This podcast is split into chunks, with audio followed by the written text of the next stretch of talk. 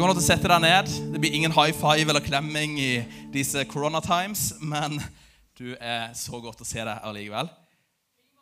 Takk. Du er hyggelig. Du, kan, vi, kan vi rett og slett begynne med å gi en vanvittig applaus til Maria til lovsangsteamet, som gjør en fabelaktig jobb? Kan vi gjøre det? Vanvittig, vanvittig kult.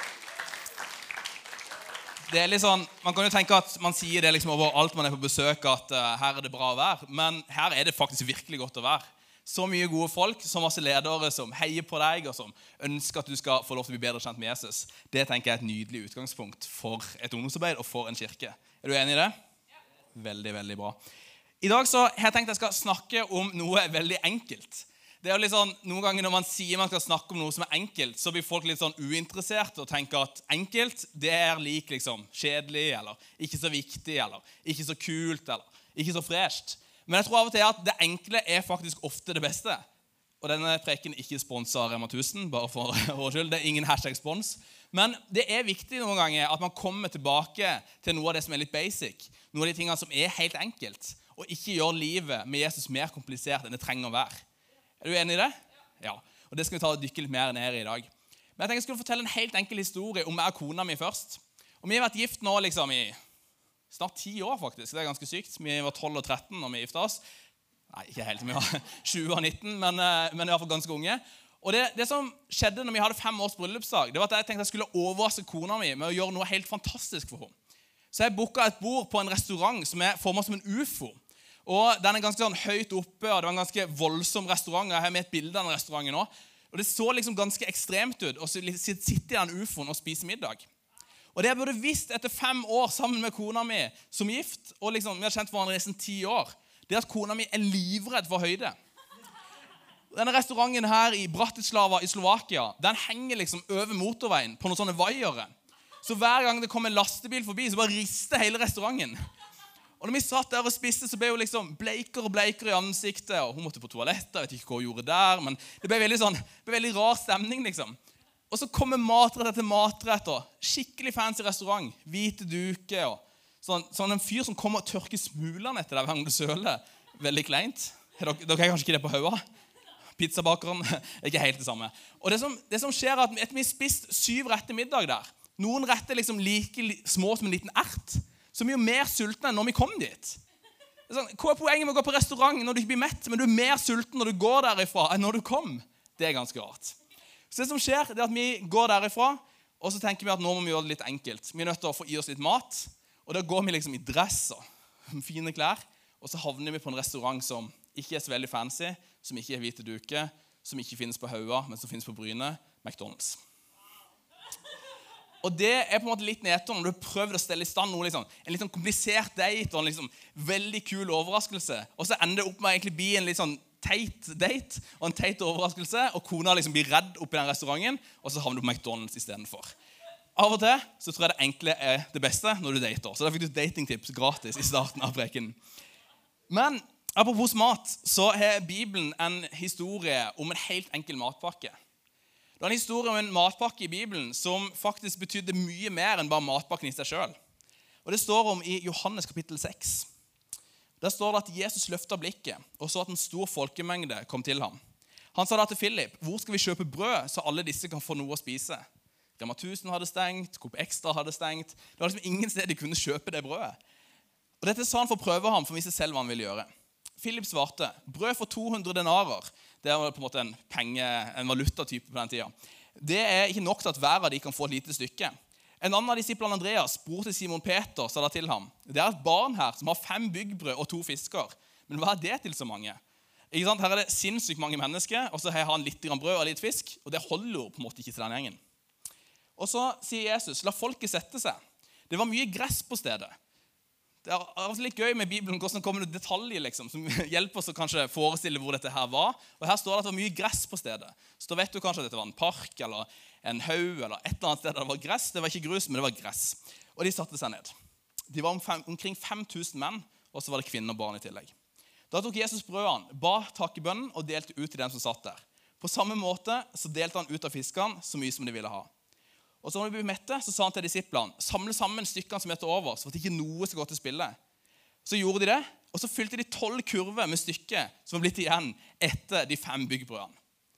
Det der går på en måte ikke opp i det hele tatt. Det er en litt sånn helsprø historie om hvordan fem enkle, noen helt enkle byggbrød faktisk blir til mat til veldig mange tusen mennesker. Og Hvis man begynner liksom å se litt på sånn, hva de spiste og hva de drev med på den tida, så var byggbrød på den tida var ikke det samme som byggbrød du kjøper for 39 kroner på Rema 1000 i dag. Men byggbrød det var liksom den enkleste sorten for brød. Mange brukte byggbrød til å faktisk fôre dyr med. Mange brukte bygg til, liksom, til dyrefôr. Men her så viser det kanskje at denne gutten som kom med den matpakken og ga den til Jesus, han var kanskje ikke den rikeste fyren. Han var kanskje ikke den som sto med en BMW liksom, eller en Mercedes eller, sorry, eller en fin bil. Men han hadde, han hadde et eller annet som ikke kanskje var så voldsomt mye. Men så tok han det han hadde, og så ga han det til Jesus, og så fikk det lov til å bety en stor forskjell likevel. Det er ganske kult at der var det kanskje andre personer som kanskje hadde med noe mat. Det er litt rart å dra på et arrangement og så har du ikke tenkt på mat. liksom. Kanskje hadde flere med seg mat, men det var denne gutten som valgte å gi matpakka si til Jesus. Og det var dette her som førte at det ble så sykt mye brød til overs. Og tenk deg liksom, gjør det tankeeksperimentet, men Hvis alle her hadde hatt med seg matpakke og gitt den til Jesus, så hadde vi kanskje sittet her på Betania i dag og spist dette brødet fremdeles. Kanskje liksom det som hadde gått rundt her etter møtet, så har vi gått rundt med en sånn brødkurv og spist av det brødet 2000 år senere, fordi at det var så syk mengde brød hvis alle de 5000 pluss kvinner og barn hadde hatt med hvert sitt brød og hver sin fisk. Jesus han kan ofte gjøre veldig store ting ut av små greier. Og derfor tenker jeg at Det er et ganske kult spørsmål å stille. liksom. Hvordan ser matpakken din ut? Hva, hva har du på matpakka di? Er det en enkel matpakke bestående av brød og fisk, eller er det liksom en matpakke med svett gulost? Eller er en matpakke med liksom ruccola og kremost og sånn spire på toppen og litt roastbiff innimellom der? Er det noen, sånn, er det noen som har en sånn matpakke? En sånn fancy matpakke? Nei, ok, ikke det på bygda. Feil sted. Eh, men i alle fall så er det noen ganger sånn at man tenker liksom at ok, hvis man skal bety en forskjell, hvis man liksom skal se at Jesus gjør noe i vårt liv og på skolen vår og blant vennene våre, så må vi liksom diske opp en hel buffé. Liksom. Vi må liksom gi alt mulig til Jesus og gi, gi, han på en måte alle mulige greier. Men så kan det være at til og med liksom, en brødskive med litt svett gulost kan bety en forskjell. Til og med de tingene som ser litt sånn skralt og smått ut og lite ut, og ser ut til å være helt ut av betydning. Kanskje det er akkurat de tingene som faktisk kommer til å gjøre at Gud blir synlig i denne bygda her. At Gud blir synlig i ditt liv og din familie. Det er ikke alltid så veldig heftige ting som er det viktigste, men noen ganger så er det enkle det beste. Det er en gutt som heter Aleksej, som jeg har et bilde av. Og Han er en russisk gutt. Og Det, det blir så mye mat her i starten, men jeg håper du, håper du klarer det. Jeg tror jeg var sulten jeg forberedte dette, dette budskapet. Han, Alexei han, han, er fra Russland og starta ny aksjonsgruppe på skolen sin. Og Han hadde så lyst til å fortelle vennene sine om hvem Jesus var. Og så ante han ikke hvordan han skulle gjøre det.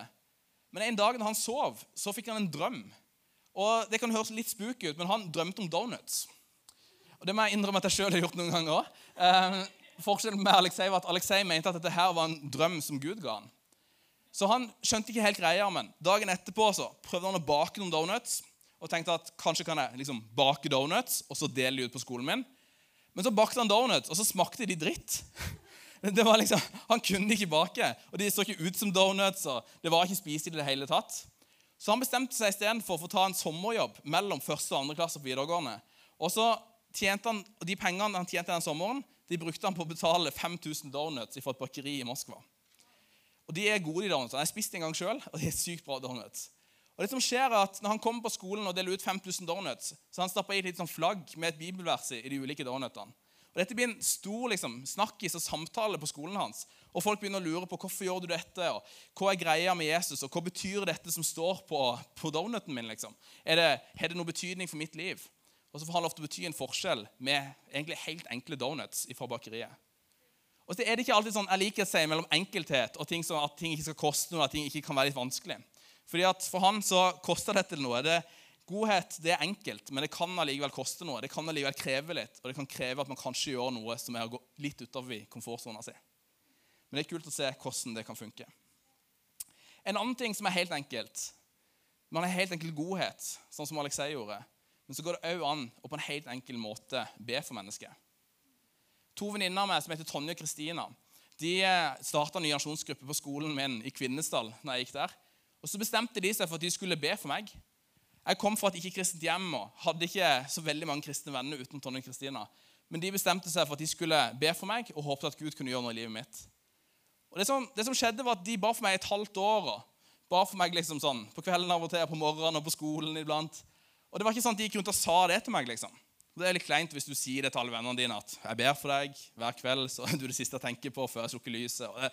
Det kan bli litt sånn kunstig stemning, eller såkalt et hashtag sosial selvmord å gjøre det. Men det som skjer det er at etter de hadde bedt for meg en stund, så begynte jeg å tenke litt på hva er egentlig meninga med livet mitt. Hva er egentlig liksom greia med at jeg vandrer rundt her liksom, og spiser kebab og hamburger? Er det, er det noe dypere mening bak livet mitt enn cola? Fins det noe mer å leve for? Så inviterte de meg med til en kirke. Og Jeg var litt sånn usikker på hele greia med Jesus, men til slutt så bestemte jeg meg for å ta en sjanse og si at Jesus, hvis du fins, så skal jeg leve resten av mitt liv sammen med deg. For den dagen altså, skjedde det noe i mitt liv, og så skjedde det noe i Kristina og Tonje sitt liv. De så liksom at wow, den bønnen vi, be, vi ba, den betydde noe. Den hadde ikke alltid de helt rette ordene. Vi visste ikke helt hva vi skulle gjøre, men det betydde noe at vi ba for David. Det betydde at han fikk tak på hvem Jesus var. Og når meg og Tonje og Kristina liksom hadde vært, eh, fortsatt å gå på skolen, så tenkte vi at nå må flere på skolen vår få vite hvem Jesus er. Flere på skolen vår må få lov til å oppleve det samme med Jesus som vi får lov til å oppleve. Så vi fortsatte å be for skolen vår. og Det var liksom den første prioriteringa vi hadde på skolen. Så Vi satte opp en liste med fem navn på skolen vår. Med liksom de fem si, folkene på skolen vår som vi tenkte at disse her trenger virkelig forbønn. liksom. Og Øverst på den lista så var John. Og Du forstår kanskje på bildet hvorfor han trengte forbønn. Han var, han var en skummel type. liksom. Vi var liksom redd for John. Og John han var det ikke så veldig mange på skolen som likte. Han var ganske, ganske sånn tøff mot kristne og kunne liksom mobbe folk litt. og han rev ned plakater når vi prøvde å reklamere for noe vi skulle gjøre på skolen vår. Og han kunne åpne opp døra til klasserommet vi var i, og så bare begynne å hyle inn i klasserommet i langfri. liksom. Bare for å ødelegge fornyasjonssamlinga. Men vi tenkte at vi må prøve å be for Jan. Og Etter hvert når vi ba for John, så, så begynte det å skje at han begynte å komme på noen av samlingene våre. Og Fremdeles så var han liksom irriterende. så Han erta oss litt, og han bråkte mye. og Han spiste opp hele kaka etter samlinga. Han tok en gang med seg hele kaka liksom bare stakk av. Og så tenker du at det er bare kødd, men så spiste han hele langpannekaka alene. Og det er litt sånn litt dårlig stemning. Vi tenkte at på en måte så ønsker vi jo at John skal bli kjent med Jesus. Og så på en annen måte så er det så irriterende at han er her og ødelegger for andre. Kanskje vi bare skal be rektor om å låse John inne i klasserommet i Langfri. liksom. Få han unna oss. Lengst mulig unna. På et grupperom i tredje etasje. Men det som skjedde når vi ba for John, det, det var jo at vi ble mer og mer glad i John og fikk et hjerte for at oh, vi ønsker at John nå skal kunne bli kjent med Jesus. Så det som skjer det at Etter vi har bedt for han ganske lenge, så er vi samla i et kirkelokal en halvtime unna Kvinesdal, i Lyngdal, der jeg kommer fra. Så står vi i en sirkel dette var før korona, så det var liksom lov, og så står vi der og så ber vi om at John skal bli en kristen og bli kjent med Jesus. Og Mens vi står halv ti en mandagskveld og ber for John, så kjenner jeg at noen kommer og pirker meg på skuldra. Så snur jeg meg, og så er det John som står der. I et kirkelokale en mandagskveld. Og liksom, jeg tenkte det at Hvis John hadde vært på en eller annen gudstjeneste i sin barndom, så hadde han sikkert eller han var spedbarn, hadde han løpt unna det, for han var så imot kristne. Så imot kirke. Og Der var han plutselig på bønnemøte. alle ting. Og da tenkte Jeg liksom en gang at jeg kan ikke fortsette å be om at John skal bli en kristen, og han står rett ved siden av meg. Det er litt, sånn, det er litt rart å fortsette den bønnen vi var i. Så Istedenfor ble en veldig sånn kunstig skille, og så begynte vi heller å be en sånn Tusen takk, Gud, for at du elsker alle mennesker. Du elsker meg, du elsker onkelen min, du elsker mora mi, faren min, tanta mi og du elsker John. og så skjer det den kvelden at John bestemmer seg for å invitere Jesus inn i livet sitt. Han bestemmer seg for å bli en kristen. Og Det snur så opp ned på så mange ting på skolen vår og gjør at det blir enda enklere for oss å vise om Jesus til andre folk. Men det starter med en helt enkel bønn. Jesus, du må nå gjøre noe i Jørn sitt liv. Vi var irriterte noen ganger på Jørn, vi var frustrerte. Det var ikke så veldig komplisert eller så veldig vanskelig det vi gjorde, men vi ba en bønn og sa at Jesus, dette her har du nødt til å fikse. Og jeg tror noen ganger at Sånn kan det starte. Kanskje kan det starte med liksom en frustrasjonsbønn. eller litt sånn, At du vil ha noe endra, eller at du ser at her er det noen som virkelig trenger å få tak på hvem Jesus er. Og så kan den enkle bønnen få lov til å bety at mennesket faktisk får livskursen sin forvandla. At de får lov til å bli kjent med hvem Jesus virkelig er. Så enkelt og så kraftfullt. Akkurat som med denne gutten med matpakken og Donut Alexei i stad og, og med John, så er det ofte det som er liksom helt enkelt, som virkelig betyr en forskjell. Som virkelig har impact. Og det er ikke alltid man leser liksom, bøker om de som er de virkelige heltene, eller at man ser de virkelige heltene på Paradise Hotel eller på Senkveld eller Skavlan. Men noen av de virkelige heltene får av og til ganske lite oppmerksomhet. Men så har de virkelig betydd en forskjell fordi de har gjort noe enkelt som Gud har fått lov til å velsigne. Jeg vet ikke om noen av dere har hørt om nymfa i Bibelen. Noen som har hørt om nymfa? Det er liksom ikke helt Moses eller Josef eller Jesus eller Paulus. Men nymfa har en ganske kul historie i Bibelen. Noe som bare beskrevet om i ett enkelt bibelvers. Og Det enkle bibelverset det kommer her fra Kolosserbrevet, kapittel 4. Der står det 'Hils våre søsken i Laudikea', det er et sted, og nymfa og menigheten som samles i hennes hus. Sykt enkelt bibelvers men allikevel vanvittig kraftfullt. fordi at Nymfa hun var med og liksom planta en kirke og hadde liksom husfellesskap og sånt i dette stedet i Laudikea. Og åpna opp hjemmet sitt og sa at folk kunne komme og høre der om hvem Gud var. Og Det som skjer når hun gjør det, det er at det viser seg at det er flere mennesker som blir kjent med hvem Jesus er pga. det initiativet. Og Det skjer fordi at ett menneske bestemmer seg for å gjøre noe sykt enkelt. Sette på kaffe eller ikke kom man drakk på den tida, litt sånn, eh, melk og kakao kanskje, og slush. Eh, så Hun lagde litt slush, ikke sant? inviterte hjem, og så satt de der og drakk slush. Og så var det folk som ble kjent med Jesus fordi hun gjorde noe helt enkelt. Det trenger ikke å være så veldig komplisert. Da er også sånn at eh, Dette her har egentlig veldig mye å si med at Gud tror jeg kan gjøre mer med alt det ordinære som er hele livet mitt, alt det som er liksom vanlig og normalt, enn med det ekstraordinære som jeg prøver å tvinge fram i egen kraft. Noen ganger så tenker vi at nå skal vi virkelig gjøre noe spektakulært. liksom. Nå skal vi gjøre noe helt vanvittig greie for Jesus. Og så blir det egentlig bare sånn, Vi prøver å få et eller annet til på egen hånd. Men så er det ofte de helt små, enkle initiativene som virkelig betyr en forskjell. Som Gud kan få lov til å velsigne, som Gud kan få lov til å gjøre stort. Som han kan multiplisere, og som han kan bruke for å gjøre seg sjøl kjent. Det er amazing. Til og med Jesus han brukte iblant de tingene som han hadde, hadde liksom tilgjengelig for å gjøre et mirakel. Jeg vet ikke om dere har lest en historie i Johannes 9 før, men det er en ganske sprø historie om en mann som er født blind. En mann som ikke kan se. Og så bestemmer Jesus seg for å ta opp litt leire, litt grus, og spytte litt i hendene sine. Og så lager han en slags ansiktsmaske som han kliner i ansiktet på denne blinde mannen. Det er jo liksom helt sånn uholdbart å gjøre sånt. Altså, hvis jeg hadde kommet her i dag og liksom begynt å spytte litt i hendene mine og tatt litt jord i ansiktet ditt, det hadde liksom ikke vært greit. sant? Så, Dette her gjorde Jesus. Og Det er litt sånn sykt å lage en sånn ansiktsmaske, og så til og med på en mann. Hæ? Liksom, Kona mi bruker ansiktsmaske. Jeg bruker ikke ansiktsmaske. Men han brukte det, og så viser det seg at det er med å gjøre et mirakel. Han bruker tingene her tilgjengelig, og så får denne mannen lov til å få synet sitt igjen. Og Det er mye man kunne sagt om det, men det som er utrolig spennende, det er at Jesus han sier til mannen at han skal gå ned i dammen og vaske da. Så gjør han det, og så plutselig så får han synet igjen. Stort sett så sier man jo alltid fra en scene i en kirke at eh, ja, følg Jesus eksempel og gjør som Jesus. Så her vil jeg også si, Følg Jesus eksempel, men vær litt forsiktig med liksom, ansiktsmaske og spytt. og i hvert fall i disse koronatider, så kan det være lurt. Men det som skjer er at det kommer masse reaksjoner på dette i etterkant. Og Det er kanskje ikke helt de samme reaksjonene som hadde kommet hvis dette hadde skjedd liksom, på din skole. Men i Johannes 9, og vers 8-12, så står det at naboene og de som før hadde sett at han var tigger, sa da er ikke dette han som satt og tigget? Noen sa at det var han, andre sa nei, han bare ligner. Men så sier han sjøl, det er meg. Hvordan ble øynene dine åpne? spurte han. spurte de. Han svarte, en som heter Jesus, laget til leire, og smurte på øynene mine og sa, gå til Siloadammen og vask deg. Jeg gikk dit, og da jeg hadde vasket meg, kunne jeg se.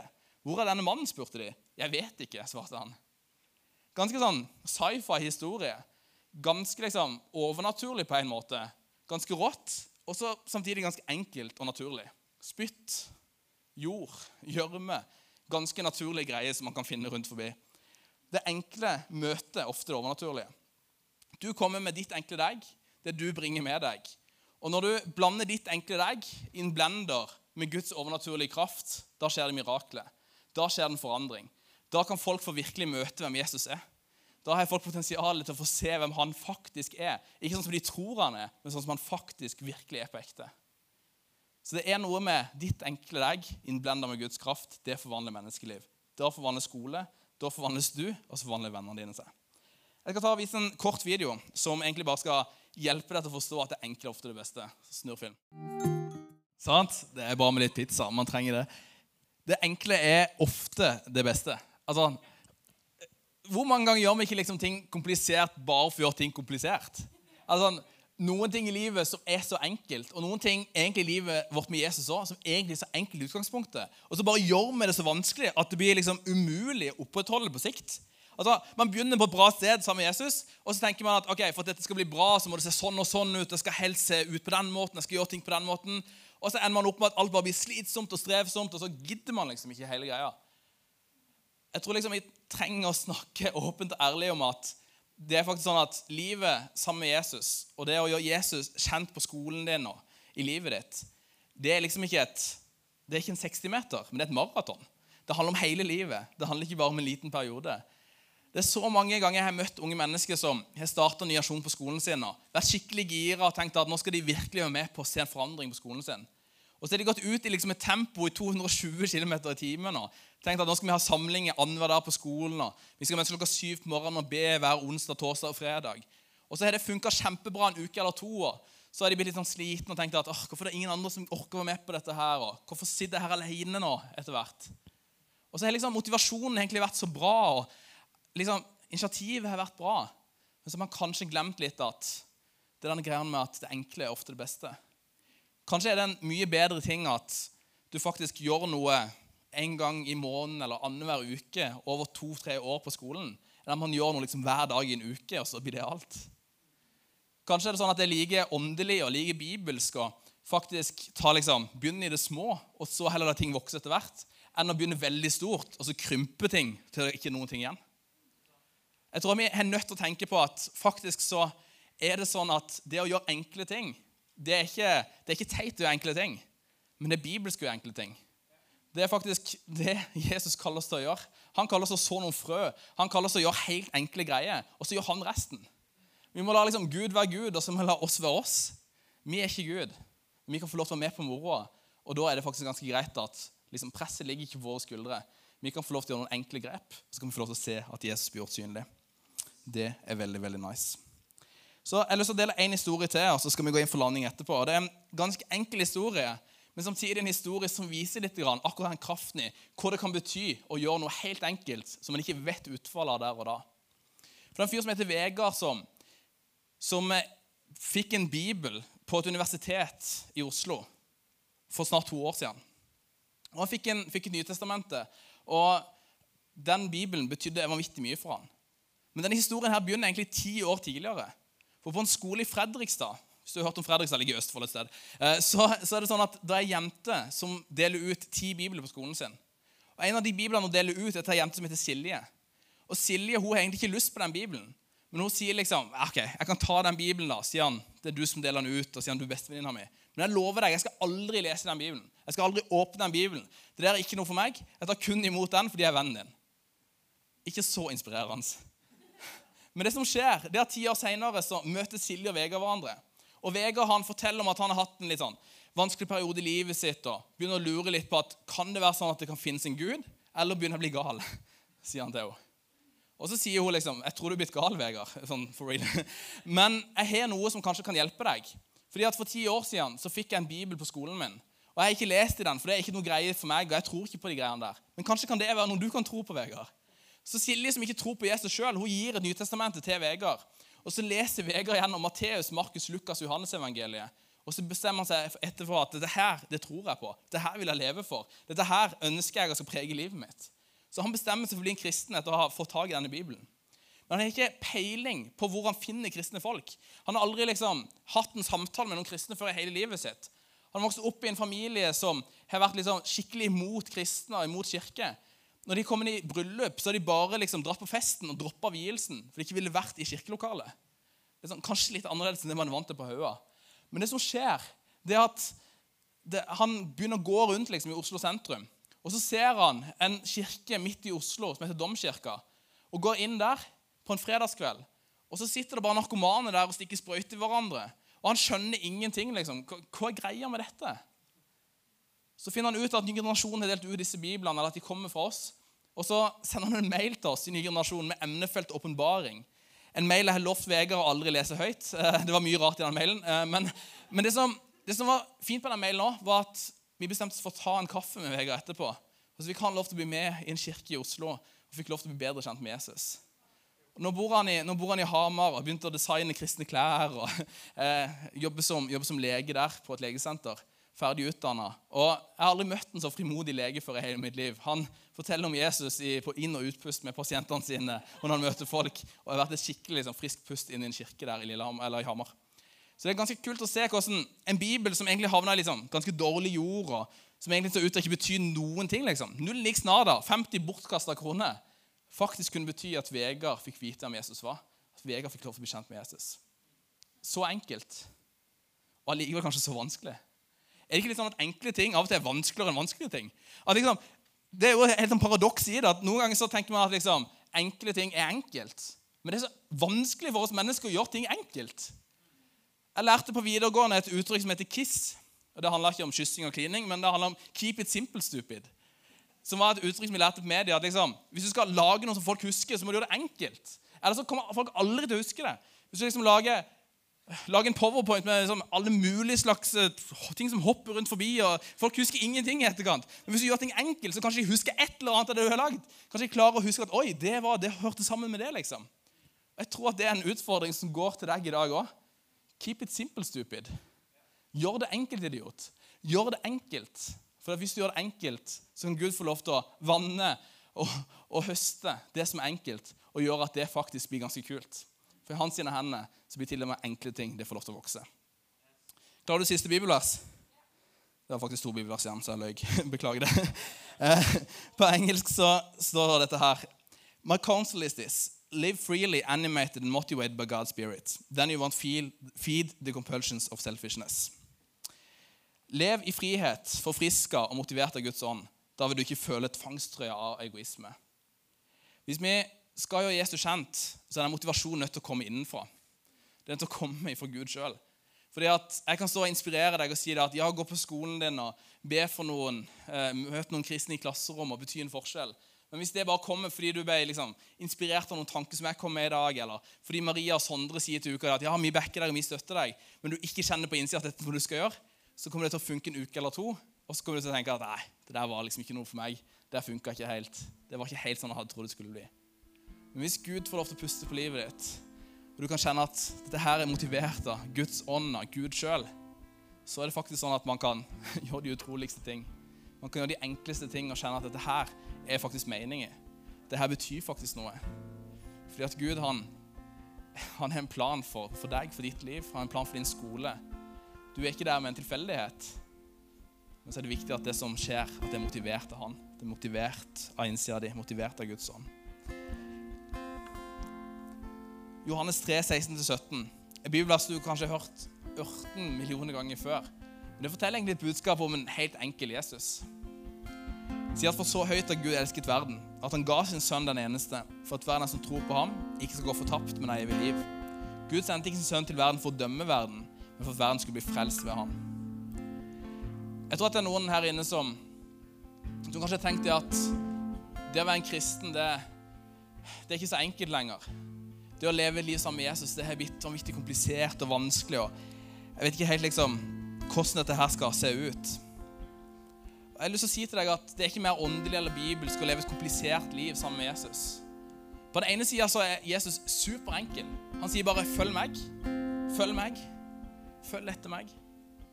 Og På den andre sida er det sånn at vi kan studere Jesus hele livet sitt. Og så har man kanskje bare skrapt overflaten av Jesus egentlig er. Det er alltid noe nytt å lære og alltid noe nytt å se. Men hovedbudskapet er 'følg meg'. For så høyt Gud elsker verden at han ga sin eneste sønn. Så enkelt budskap. Men likevel så vanskelig noen ganger å ta imot. Så vanskelig noen ganger å leve etter. Fordi at man tenker at her må det være liksom mer hokus pokus. Her må det være mer voldsomme greier. Dette blir jo for lett, liksom. Hvordan er det sånn at han som har skapt hele verden, kan gjøre dette så enkelt? At det er bare å ta imot. At det er bare å si 'Jesus, her er jeg'. Det er jo nesten litt sånn Nesten rart. At det er så lett. Jeg tror kanskje at det er noen her inne som har begynt et liv sammen med Jesus for et år siden, eller et halvt år siden, eller tre-fire år siden, og kjente at det begynte veldig bra. Men etter hvert så har det blitt så mange sånne ekstra greier som man tenker at dette her, det hører òg til det å følge etter Jesus. At den brannen som en gang var der, motivasjonen som en gang kom fra innsida, den er ikke helt til stede der lenger. Nå er det på en måte bare en sånn greie jeg gjør fordi jeg er vant med det, og fordi jeg bor på Haua, og fordi det er fine folk her, og fordi jeg er glad i menneskene rundt meg. Men motivasjonen til å følge Jesus, motivasjonen til å gjøre det enkle, er kanskje borte fordi det er blitt for komplisert for deg. Jeg vil bare si til deg at Jesus han er like enkel i dag som han var den gangen du startet relasjonen med han. Han er like til stede i livet ditt som den dagen du sa ja til ham for første gang. Jeg tror at dette her kan være en dag som blir et vendepunkt i livet ditt. Så blir en dag der du på nytt kan få lov til å si at Jesus, her er jeg. Jeg ønsker å bare følge etter deg og leve et enkelt liv sammen med deg. Vi tar og reiser oss opp på føttene våre. Så jeg har lyst til å gjøre to enkle ting mot slutten her før vi skal lovsynge sammen. Og Det ene er egentlig denne invitasjonen her som jeg snakker til. At til deg som allerede tror på Jesus, og som kanskje ser det at dette her livet med Jesus har blitt litt komplisert og vanskelig, og du vet ikke helt hvordan dette skal se ut videre. Kan ikke vi alle bare lukke øynene våre et lite øyeblikk, så får du et uh, litt privatliv? Hvis det er deg som jeg har snakka til de siste minuttene her, kan ikke du bare rekke opp ei hånd? Jeg skal ikke dra deg fram eller gjøre det ukomfortabelt for deg. Jeg vil bare vite hvem jeg, hvem jeg ber for etterpå. Er det noen her inne som kjenner at livet med Jesus er blitt vanskelig? Ja? Det er ikke blitt helt sånn som man tenkte det skulle bli. Yes. Går flere hender opp i hele salen. Nydelig. Ta ned hendene igjen nå. Åpne opp øynene nå. Så vil jeg be en bønn for dere. Jeg tror at På en måte så tror jeg dette gjelder litt alle. Jeg kan hvert kjenne på det sjøl i mitt eget liv at noen ganger gjør jeg ting mye mer komplisert enn det trenger å være. Jeg trenger på nytt og på nytt hver eneste dag å si at Jesus, jeg trenger bare å følge etter deg med livet mitt. Jeg trenger å gjøre dette enkelt. Fordi at jeg er en enkel sørlending, og jeg klarer ikke å gjøre dette her komplisert. Tusen takk, gode Gud, for at du er her. Takk, far, for at du igjen og igjen minner oss på hva det egentlig vil si å følge etter deg. Jeg ber, Herre, for alle de som rakk opp hånda si og sier at det er vanskelig av og til å følge etter deg, og at det blir komplisert og vanskelig. Jeg ber om at de skal få lov til å gå ut av dette rommet i dag i fullstendig frihet. Skal få lov til å kunne se på nytt og på nytt hvor enkel du er, hvor enkelt det er å følge etter deg og leve livet sammen med deg, Jesus. Jeg ber her om friske tanker, jeg ber om nye visjoner, nye drømmer. Jeg ber her om at du igjen vekker til liv de tingene som man kanskje har satt litt på is, eller som man har glemt litt. Jeg ber om at man skal igjen bli grepet av en brann og et engasjement til å lovprise deg og til å søke deg i hverdagen sin. Jeg ber om at denne koronatida, den litt sånn rare tida vi er inne i, ikke skal bli en hvilepute og et sted der vi liksom trekker oss unna deg, men der vi løper til deg med alt det vi har. Der vi kommer ut av dette her med en enda større relasjon og en enda nærmere og tettere relasjon til deg. Ikke fordi vi sjøl tar oss sammen, men fordi at du alltid er nær oss. For at du er der, og du er der når vi søker deg. Når vi roper ditt navn, så er du der. Så er du rett ved sida av oss. Takk for det, Jesus. Jeg har lyst til et øyeblikk for Hvis det er noen her inne som kanskje er på Ubetania for første gang i dag og blitt med en kompis på møte i dag, eller kanskje du har vært her lenge, men du har aldri tatt et valg om å si det at 'Jesus, jeg ønsker å tro på deg, jeg ønsker å følge deg', så kan dette her være en kveld der du kan få lov til å starte en relasjon sammen med Jesus. Det er ikke så vanskelig. Det handler egentlig bare om å ta et valg. Det handler om å si at 'Jesus, jeg, jeg er her, jeg ønsker å følge deg'. Jeg tok det valget for, for snart elleve år siden. Det var et valg som virkelig liksom forvandla livet mitt, og som snudde opp ned på mye i livet mitt. Og det var ikke et enkelt valg å ta. på en måte. Det var så mange ting som kanskje sto i veien, og man tenkte at er dette her verdt det? Kommer dette her til å funke? Er dette sant? Men prøv det ut, da. Liksom, si til Jesus at 'jeg vil gi deg en sjanse'. Jeg vil gi deg en sjanse i livet mitt. Jeg vil virkelig liksom prøve å forstå hvem du er. Så er det sånn at Jesus kommer til å svare den bønnen din. Du kommer til å få se hvem han virkelig er. Og jeg har lyst nå til, og Mens vi alle lukker øynene en siste gang, så når jeg telte tre, så kan du som ønsker å ta et valg om å si det at Jesus, jeg ønsker å tro på deg for første gang, jeg ønsker å følge etter deg med mitt liv, kan du få lov til å rekke opp ei hånd. Jeg sier én fordi at Jesus han elsker deg. Han elsker deg ikke bare, men han liker deg. Han har en plan for ditt liv. Jeg sier to at Jesus han har så mye bra i vente for deg. Han elsker deg. For så etter Gud elska verden at han ga sin sønn for at du skulle få lov til å tro på ham og ha evig liv. Jeg sier tre at hvis det er deg, så kan du få lov til å rekke opp hånda di her nå. Jeg sier tre. Én, to, tre. Løft hånda di høyt opp hvis det er deg. Takk skal du ha. Er det noen flere? Nydelig. Ta ned hånda og åpne opp øynene igjen.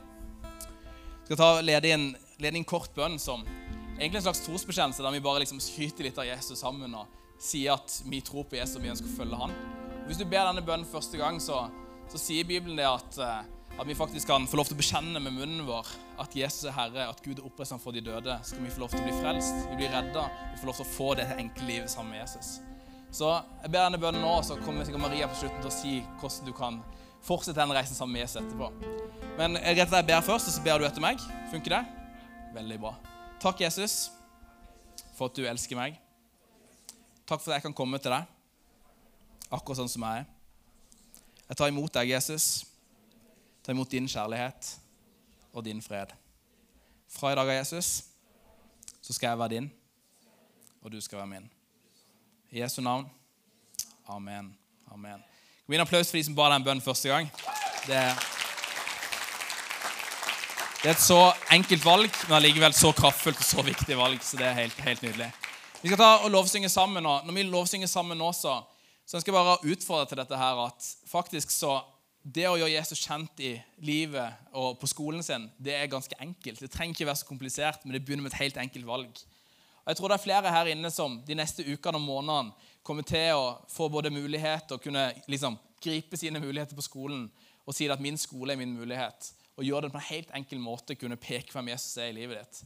Så jeg har lyst til å be en bønn for alle sammen som er her inne nå. og så skal vi, Når vi lovsynger etterpå, så skal vi ta og tenke på skolen vår. Vi skal ta og be for den skolen vi går på. Be for de som ennå ikke kjenner Jesus der.